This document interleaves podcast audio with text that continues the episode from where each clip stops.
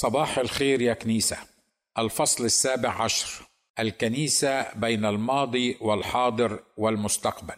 مرة أخرى أعود للكتابة حول شغلي الشاغل في الحياة وهو موضوع الساعة وكل ساعة. ألا وهو الكنيسة في مصر. ما كان وما هو كائن وما هو عتيد أن يكون أو لا يكون من أمرها في المستقبل القريب والبعيد. أي الكنيسة بين الماضي والحاضر والمستقبل. والسبب الأساسي الذي لأجله أسير في هذا السرداب المظلم المخيف الطويل المحبط هو إيماني أن في نهايته لؤلؤة ثمينة كثيرة الثمن تستحق أن يبيع المرء كل ماله ويشتريها تماما كما فعل المسيح من أجلها فأخلى نفسه اخذا صورة عبد ووجد في الهيئة كإنسان ووضع نفسه وأطاع حتى الموت موت الصليب لكي يحضرها لنفسه كنيسة مجيدة لا دنس فيها ولا غضن أو شيء من مثل ذلك. بل تكون مقدسة بلا عيب ومع علم الكامل أن الشيطان عدو الكنيسة الأول وهو عالم أن له زمانا يسيرا ويلقى في البحيرة المتقده بالنار والكبريت يكره أن يطلب أحد ما فيه خيرها وهو يسعى جاهدا لو أمكن أن يدمرها وأن يضل المختارين إلا أنني أثق أن دراسة أحوال الكنيسة وصرف الوقت والجهد والعرق والصحة والمال في سبيل بعثها من جديد أغنية وتسبيحه وبركة في الأرض يشار إليها بالبنان ويقال فيها من هي المشرفة مثل الصباح جميلة كالقمر طاهرة كالشمس مرهبة كجيش بألوية. هو أمر لا مفر منه. وليس ذلك فقط بل هو تجسيد لما في قلب القدير من ناحية جسده على الأرض الكنيسة. ولذا فهو يوسوس في عقول وصدور الناس فتجد أقوالهم وردود أفعالهم عندما تتكلم أو تكتب عن كيفية بعث الكنيسة مرة أخرى غريبة عجيبة تنم عن مستوى التغييب الروحي والانفصال عن الواقع ودفن الرأس في الرمال الذي وصل إليه المسيحيون الإسميون أو حتى الغالبية العظمى من المؤمنين الحقيقيين بالمسيح في هذه الأيام. فكم من مرة سمعت أو قيل لي أو قرأت الكثير من العبارات المملة والمحبطة والمفشلة التي تجعل الباحث عن خير الكنيسة في هذا الزمان الأغبر الذي نعيش فيه لا بد أن يجاوب قائلها ليس بأقل من اذهب عني يا شيطان لأنك معثرة لي وعدو لكنيسة المسيح. فمن قائل يا أخ ناجي أنت ليه شاغل بالك بأحوال الكنيسة؟ الكنيسة ليها رب يصلحها ويعدل مسارها ويحميها لا أنت ولا أنا هنقدر نعمل لها حاجة. أو يا أخ ناجي أنت عايل هم الكنيسة ليه؟ ألم يقل المسيح بنفسه أبني كنيستي وأبواب الجحيم لن تقوى عليها؟ ومن قائل يا أخ ناجي إحنا عندنا في مصر قضايا أهم من قضايا الكنيسة والأقباط عموما إحنا لدينا قضايا مصرية مصيرية أكبر من قضية الأقباط هو يا أخ ناجي أنت مسيحي أولا ثم مصري ثانيا أم مصري أولا ثم مسيحي ثانيا لمن ولاؤك الأول لمصر أم للكنيسة؟ وحتى أولئك الأقباط الذين يدافعون عن القضية القبطية في مصر مع كل تقديري واحترامي ومؤازرتي للكثير من الأحرار الأمناء المخلصين بينهم حولوها إلى قضية حقوق إنسان وعدد مقاعد في البرلمان والمطالبة بالمساواة بين المسيح والمسلم الشيوخ والقساوسة ومباني الكنائس والجوامع في تصاريح البناء ومن يدفع تكاليف الكهرباء والماء الحكومة أم الكنيسة؟ والمطالبة بالتساوي في الحقوق والواجبات والوظائف والعلاوات والترقيات ليس إلا. ونسوا أو تناسوا. والغالبية العظمى منهم جهلوا أن قضية الاقباط والكنيسة في مصر هي قضية روحية حرب في السماويات بين قوى الخير والشر. ونجح الوسواس الخناس أن يبعد حتى الأخباط أنفسهم عن فهم أن القضية القبطية ليست قضية سياسية اجتماعية اقتصادية تاريخية بل هي قضية روحية اولا وأخيرا. بين مملكة النور التي يمثلها على الأرض كل من سار في النور ومن سكن داخله النور الحقيقي الذي ينير كل إنسان وحده السيد الرب يسوع المسيح تبارك اسمه وهؤلاء تجدهم في كل قبيلة وشعب وأمة ولسان تحت الشمس وبين مملكة الظلمة التي ينتمي إليها كل من لم ينقذ من سلطان الظلمة ومن طغيان رئيسها الشيطان الخصم العدو الحية القديمة المشتكي علينا وعلى إخوتنا نهارا وليلا أي إبليس. ولم ينقل إلى ملكوت ابن محبته. تبارك اسمه. ولأولئك السائلين كل هذه الأسئلة والمتطوعين بكل هذه الاقتراحات التي لا طائل منها فهي لن تسكتني عن النداء بالحق المعلن المكتوب في الكلمة النبوية التي هي أثبت. ولن تخفض صوتي بالمنادات العالية والتنبيه لما فيه الكنيسة من خطر. وبدورنا الاساسي المحوري في تغييرها وتنفيذ خطط القدير بالنسبة لها. أقول أعلم أن الكنيسة لها رب يدافع عنها وأعلم أننا بدونه لا نستطيع أن نعمل شيء وأعلم أننا في عالم وضع في الشرير. لكني أيضا أعلم أن خطط القدير في كل مكان وزمان تحتاج إلى أناس متواضعين أولئك الذين دعي اسمي عليهم. قال القدوس وصلوا وطلبوا وجهي ورجعوا عن طرقهم الردية. فعندها فقط يتم لهم القول فإني أسمع من السماء وأغفر خطيتهم وأبرئ أرضهم. فما تحتاجه الكنيسة اليوم عملية إبراء للأرض أرض الكنيسة التي تقف وتعيش عليها. ولن يتسنى للكنيسة هذا الإبراء إلا إذا تواضعت وصلت وطلبت وجه الرب ورجعت عن طرقها الردية. وإذا ما درست أمر الكنيسة بين الماضي والحاضر والمستقبل فسترى المثال الحي العملي الذي كانت عليه كنيسة الماضي وكيف أنها كانت مغيرة لكل ما كان ومن كان حولها وكيف كانت تدعو الأشياء غير الموجودة كأنها موجودة وكيف أنها كانت وسيلة لقيام وسقوط كثيرين من الحكام والملوك والأباطرة وفي هدم وقيام دول وممالك وإمبراطوريات. وتغيير وشفاء مرضى وإخراج شياطين وإطلاق المأسورين في الحرية وقبول أعتى المجرمين للخلاص المجاني في المسيح. أما الكنيسة بين الماضي والحاضر والمستقبل هذا العنوان الذي اخترته لهذا المقال فكان هو نفس عنوان المؤتمر الذي اقترحته على المنتقل إلى جوار ربه الدكتور الخص صمويل حبيب رئيس الطائفة الإنجيلية الأسبق في منتصف ثمانيات القرن الماضي. ففي إحدى لقاءاتنا ونظرا للظروف التي كانت تمر بمصر في تلك الأيام من حصاد لما فعله الرئيس السادات قبل أن يلقى حتفه على يد الجماعات الإسلامية التي كان قد أطلق يدها لقتل واضطهاد المسيحيين الأمر الذي عمق الفجوة بين المسيحيين والمسلمين. بالإضافة إلى إطلاق يد الإخوان وغيرهم للإساءة للكنيسة ومن تحديد لإقامة البابا شنودة الثالث في الدير وزجه بالمئات من الكهنة والقادة المسيحيين في غياهب السجون وظهور بعض الحركات المسيحية محدودة التأثير على الشارع المصري والكنيسة كمؤسسة وظهور كتاب الدكتور رفيق صمويل حبيب. الذي كان سببا في إحداث مشاكل عدة للكنيسة وحتى لوالده شخصيا والذي كان من نتائجه ترحيل الحكومة المصرية للعديد من خدام المسيح الأجانب المقيمين في مصر يومئذ باختصار كانت الكنيسة تواجه وتمر بالكثير من المتطلبات والمشاكل والتحديات الجسام من الخارج والداخل. في ذلك الوقت اجتمعت بالقس صمويل حبيب وطلبت منه أن تقوم الكنيسة الإنجيلية بعقد مؤتمر تحت عنوان الكنيسة بين الماضي والحاضر والمستقبل أو الكنيسة سنة 2000 يشترك فيه ليس الإنجيليين فقط بل كل الطوائف والهيئات المسيحية.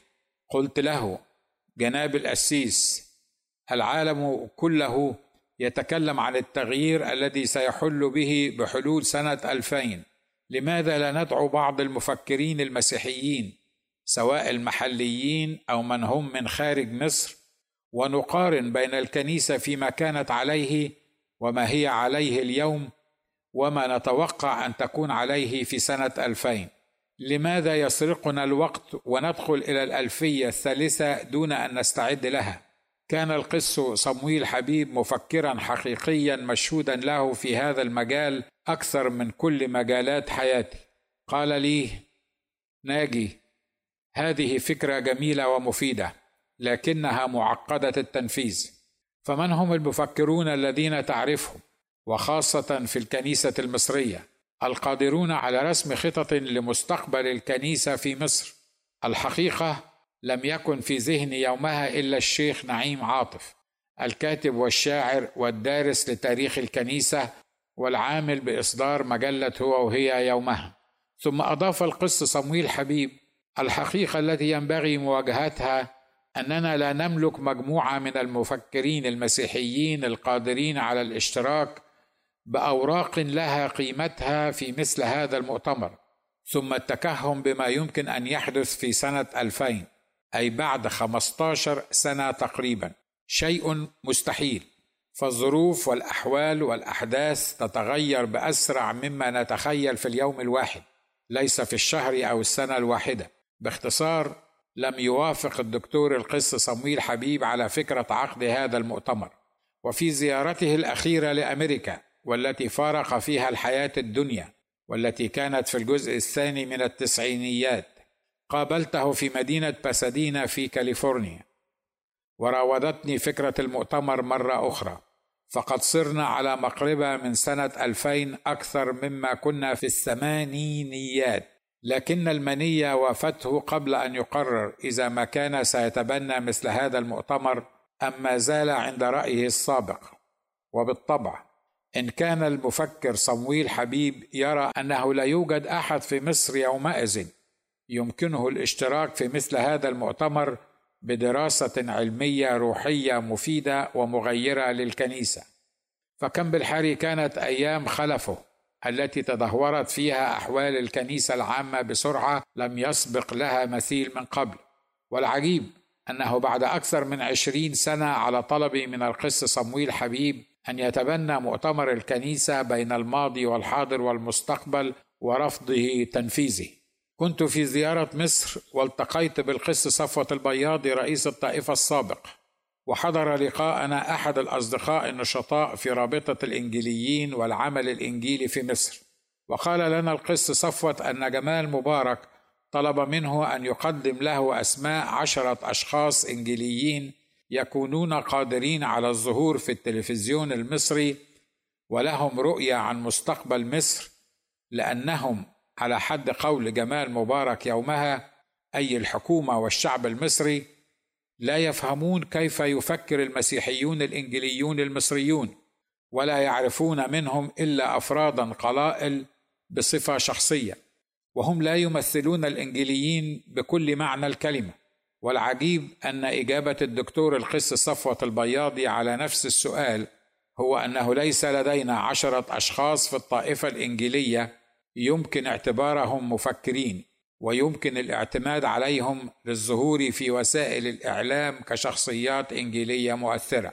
وصرفنا ثلاثتنا ما يقرب من 15 دقيقة في محاولة لكتابة أسماء عشرة فقط ليقدمها القس صفوة لجمال مبارك فلم يكتمل العدد. وأخشى أنه بعد 15 سنة أخرى يسأل من سيكون يومئذ. رئيسا للطائفة الإنجيلية نفس هذا السؤال ويطلب منه نفس هذا الطلب فيجيب نفس هذه الإجابة. هذه مشكلة حقيقية ينبغي أن تخجلنا من أنفسنا كإنجيليين وكمسيحيين عموما لأنها هي نفس الحال مع الكنيسة العامة على اختلاف طوائفها. لكن لا ينبغي أن نقف عند الخجل من أنفسنا. بل نعد جيلا من المفكرين المؤمنين الروحيين المثقفين الدارسين الشجعان الذين يستطيعون أن يدرسوا الكنيسة بين الماضي والحاضر والمستقبل وأن يظهروا في وسائل الإعلام ويعلنوا عن رأينا كمسيحيين وكأصحاب الأرض الأصليين وعن وجهات نظرنا وحلولنا لكل مشاكل مصر الدينية والاجتماعية والسياسية.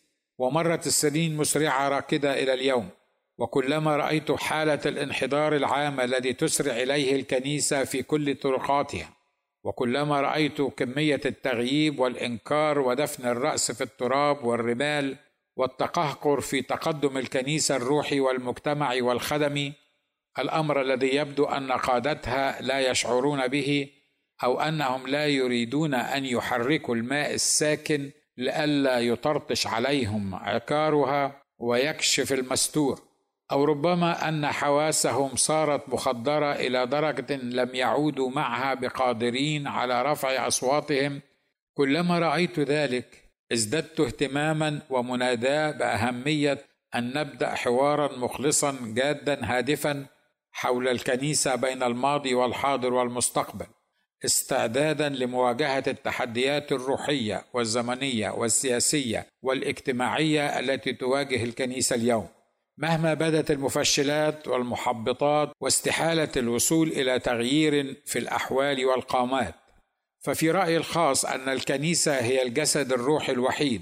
وأكرر أن الكنيسة هي الجسد الروحي الوحيد على الأرض القادر على إصلاح مصر وفقا لخطة سماوية إلهية معروفة سابقا عنده سبحانه قبل تأسيس العالم. والقضايا التي لا تشترك الكنيسة في وضع أسس روحية لحلها لن تحل بالمرة مهما كانت إمكانيات ومحاولات وقدرة وخبرة وإخلاص غير الكنيسة في حل هذه المشاكل وتسديد الاحتياجات.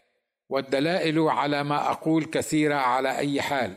فلقد واجهت الكنيسة الأولى في بداية تكوينها كل ما تواجهه الكنيسة اليوم بل وأكثر منه بمراحل من اضطهاد واحتياج وإخوة كذبة وذئاب خاطفة ممن تقمسوا شخصيات الآباء والقساوسة والمتقدمين في الخدمة والمادية والهرطقات التعليمية فعلى سبيل المثال لا الحصر واجهت الكنيسة في الماضي الاضطهاد على أشد ما تكون صوره. فلقد اعتقل كهنة العهد القديم والكتبه والفريسيون والولاة الرومان التلاميذ أكثر من مرة. لا لسبب سوى أنهم كانوا مسيحيين ينادون بيسوع المقام من الأموات ربا ومسيحا. وضربوهم وهددوهم وأمروهم الا ينادوا باسم يسوع من بعد ابدا. وقادوهم في سلاسل وقيود موثقين أمام الولاة والحكام وطردوهم من ديارهم ونفوهم خارج مدنهم وبلادهم.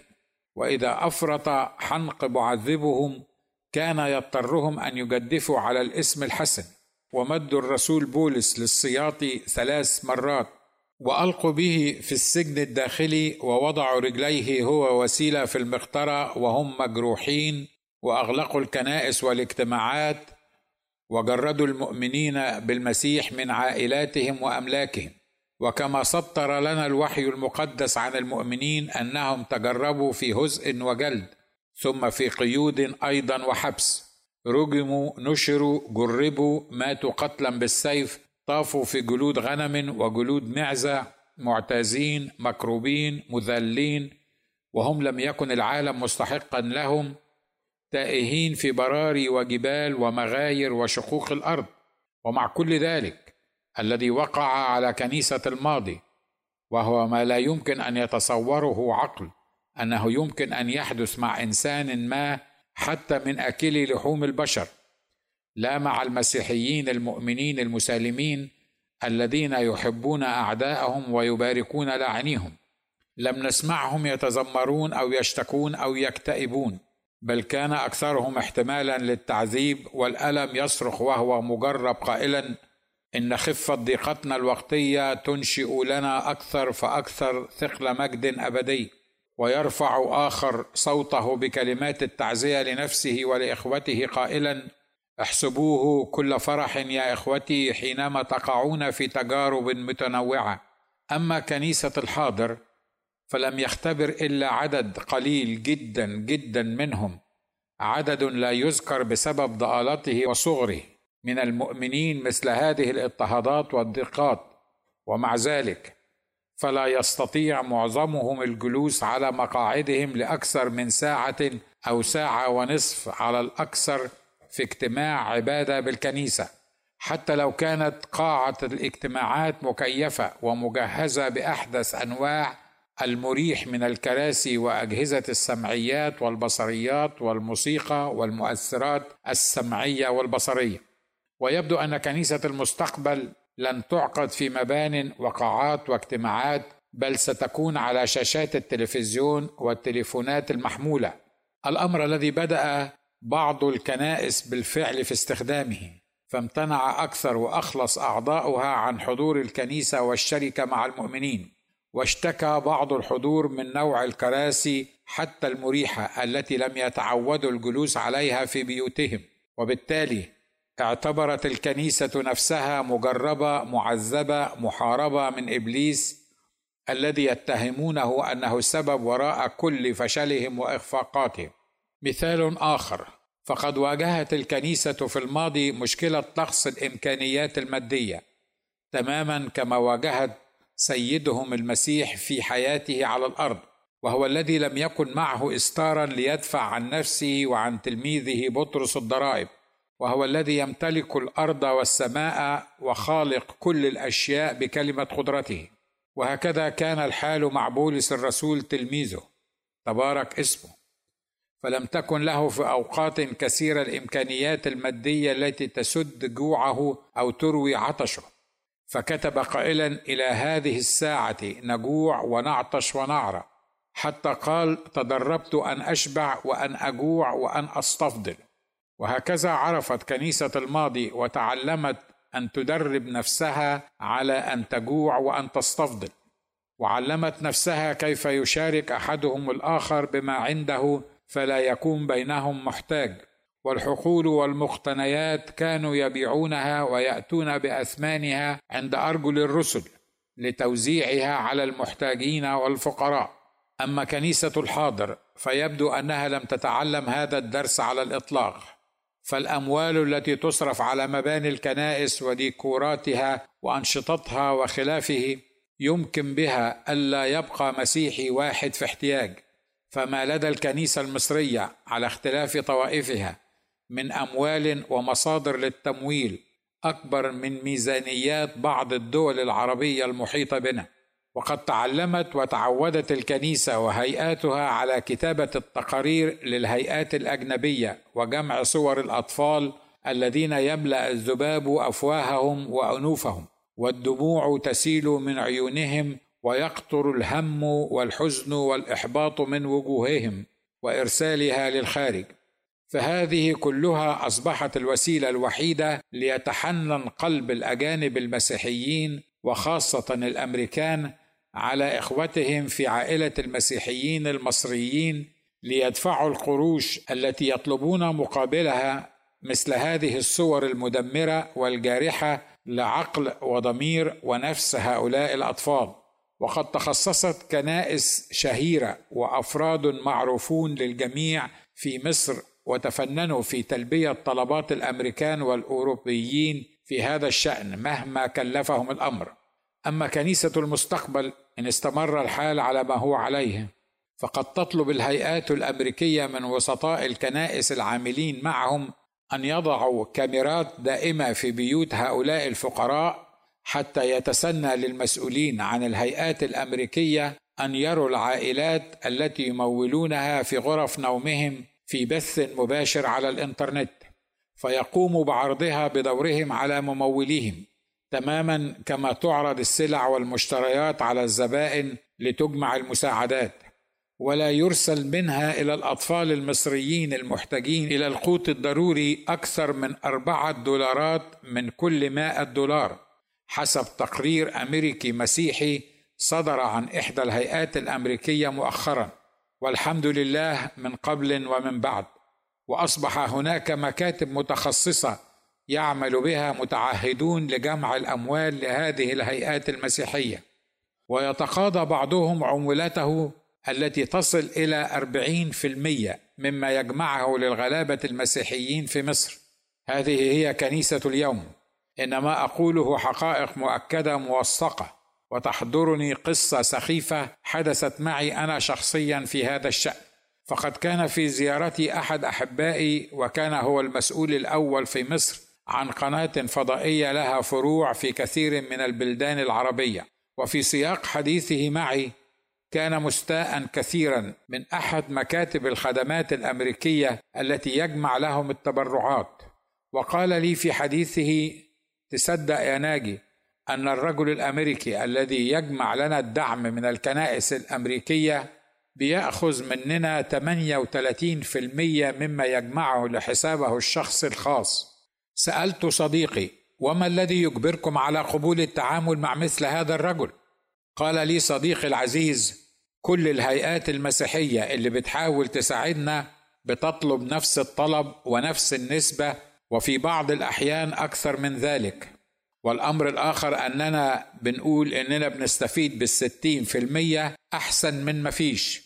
وبعدها بأسبوعين اتصل بي هذا الشخص الأمريكي وقال لي أنا فلان صاحب المكتب الذي يقوم بجمع المساعدات للقناة الفلانية وأنا علمت من الأخ مدير القناة في مصر أن حضرتك بتبعت تبرعات مادية وعينية إلى القناة وحسب الاتفاق مع هذه القناة أنت لا يجوز لك أن تتبرع لهم مباشرة لأنك في أمريكا. ولا بد أن تبعث بتبرعاتك إلى مكتبنا ونحن نقوم بتحويلها إلى القناة الفضائية في مصر. كان ردي عليه عنيفا معنفا. قلت له سيادتك عايزني أنا المصري أبعت لحضرتك تبرعاتي التي أحصل عليها بعرق جبيني والتي أحصل عليها نتيجة لعملي المتواصل في عيادتي 8 ساعات يوميا. تحت ضغط عصبي ونفسي لم تجربه أنت ولا تستطيع أن تحتمله أو حتى تتخيله. عايزني أبعت لك تبرعات لمصر عشان تاخد منها 38% لسيادتك في أمريكا؟